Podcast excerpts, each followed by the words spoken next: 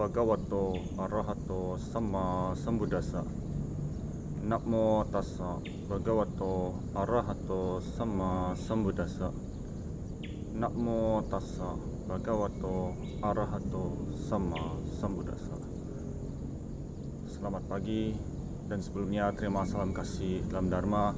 Namo Sayang di Budaya Namo Budaya Berjuanglah terus sampai apa yang diinginkan tercapai. Samyuta Nikaya Segata Watu 891 Selamat pagi teman-teman sedharma Pada kesempatan ini topik yang akan kita sharing mengenai ketekunan sebagai kiat sukses untuk kebahagiaan. Sebagaimana kita ketahui kata ketekunan itu sendiri kalau apa kita lihat di kamus besar itu adalah suatu kemampuan seseorang untuk bertahan di dalam situasi kesulitan dan di bawah tekanan. Nah, jika kita bisa melalui kondisi ini, maka kita merasa suatu hal yang sangat dikatakan luar biasa dan merasa bahagia bahwa apa yang kita inginkan, apa yang kita cita-citakan itu kita akan berhasil.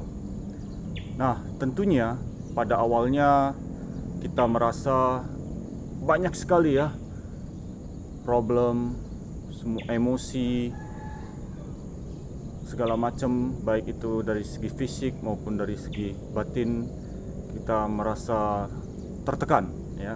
Nah, tapi dengan seiringnya waktu dengan kerja keras kemudian dengan berbagai pengalaman yang jatuh bangun ya kita berusaha ditambah terakhir itu adalah ketekunan itu akan menjadi kiat sukses bagi kita untuk mencapai apa yang kita inginkan pada zaman dulu dikisahkan itu ada ibarat uh, kelinci sama kura-kura. Nah, ini motivasi ketekunan bahwa ketekunan itu melampaui kecerdasan.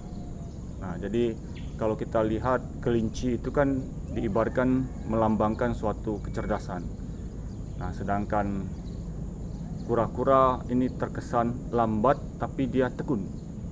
Nah, jadi di dalam suatu saat uh, dikisahkan itu ada perlombaan. Nah, kelinci ini merasa pongah bahwa yang kalau namanya beradu kecepatan pasti akan menang. Nah, tapi karena dia pongah, makanya dia bilang, ah kita santai-santai saja dulu.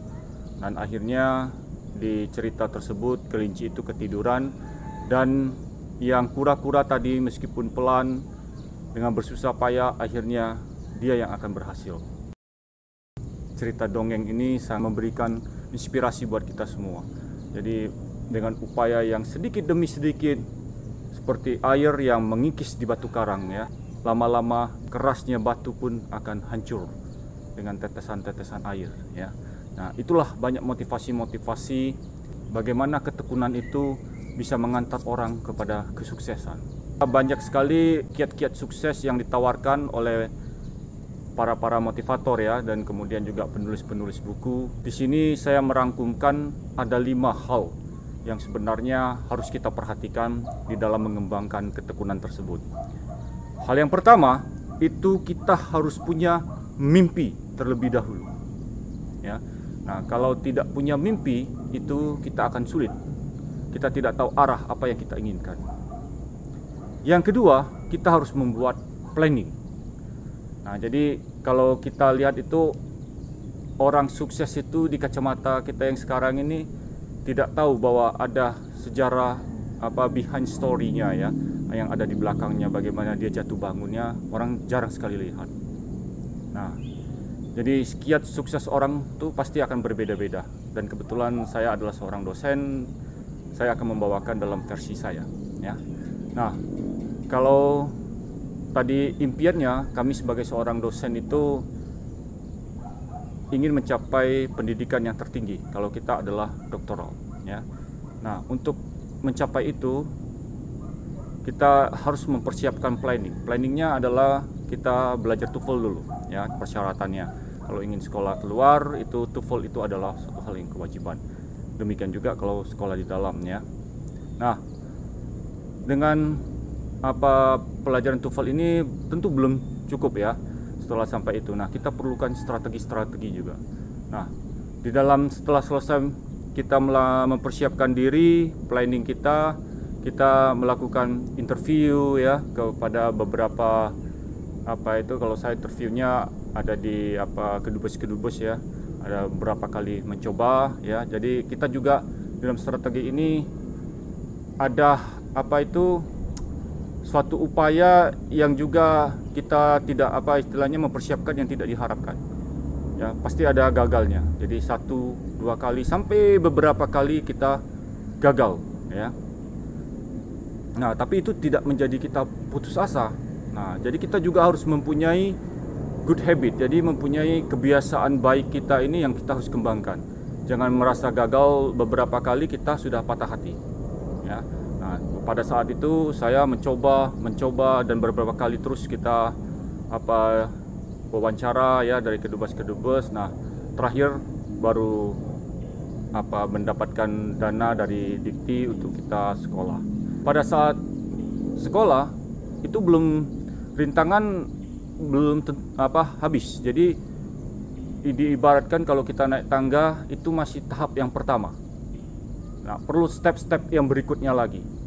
Nah, step berikutnya lagi pada saat saya mengambil kuliah doktoral itu saya tidak di bidang yang sama ya kebetulan saya di kehutanan dan saat itu saya ambil di coastal engineering nah dan mereka melakukan apa simulasi itu menggunakan bahasa programmer Fortran dan C++.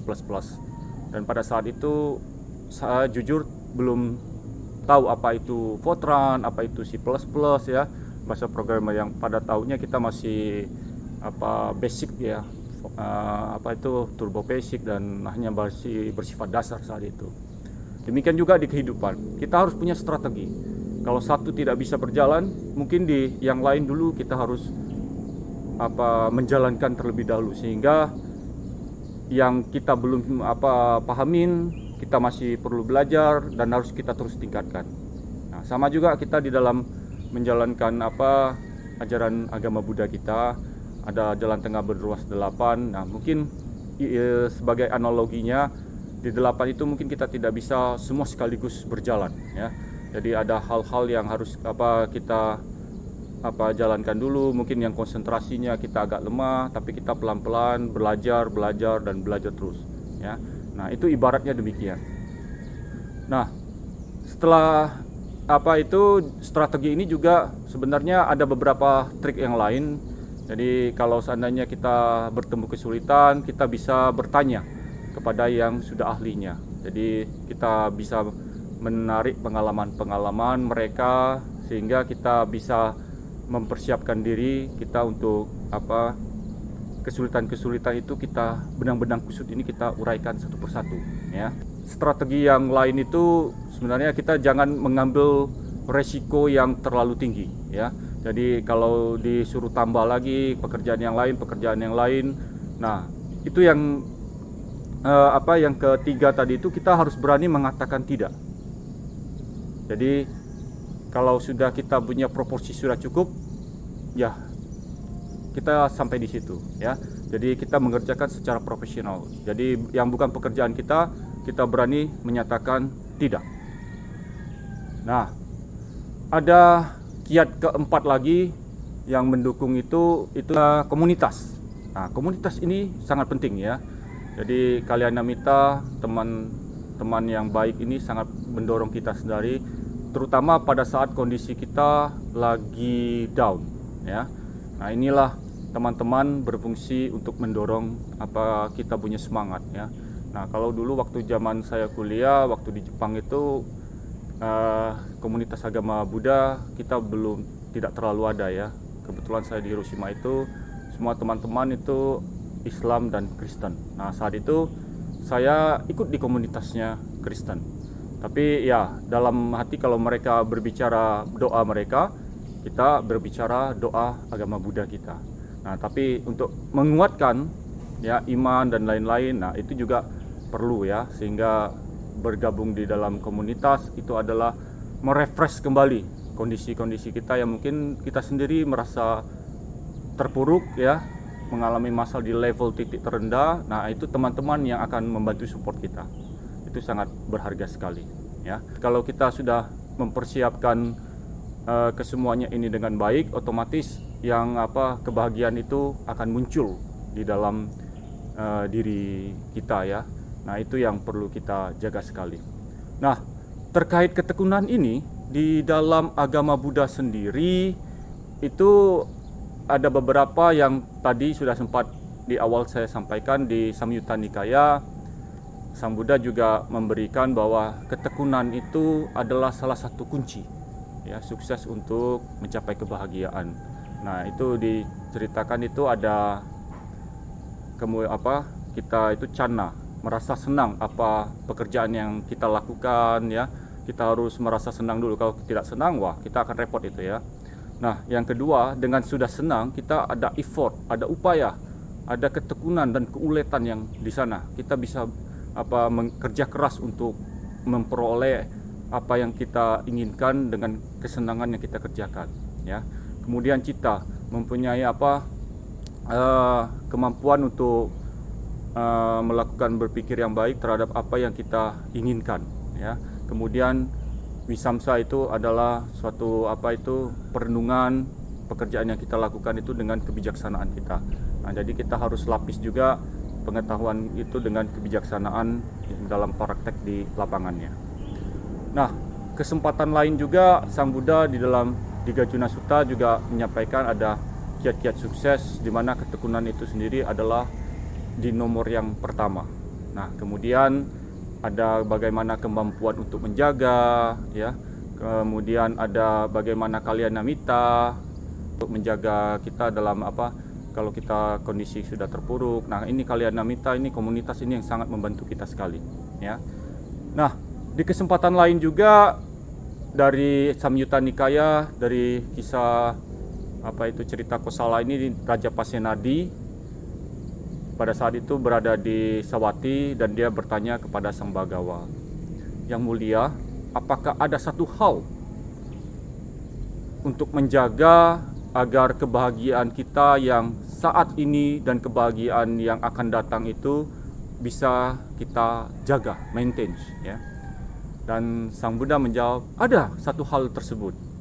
Nah, ini Raja Pasenadi agak sedikit penasaran dan dia bertanya kepada sang Bagawa.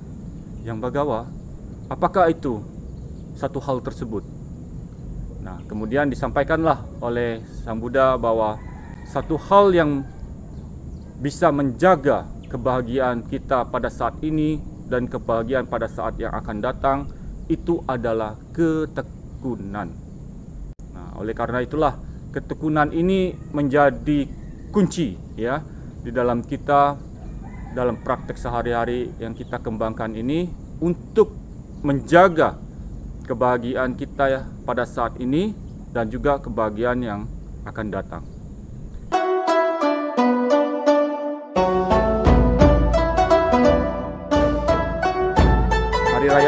Ini kebetulan sionya sudah berganti ya. Jadi sionya sio kerbau. Nah, ini melambangkan keuletan. Nah, ini harapannya dengan tahun yang baru ini ya keuletan ketekunan kita baik itu dalam usaha usaha baik itu yang di duniawi dan juga usaha yang di luar duniawi ya dalam praktek pengembangan kita ajaran agama Buddha kita itu harus bisa seimbang ya nah sehingga hal-hal ini mendorong kita untuk banyak melakukan perbuatan baik lagi ya.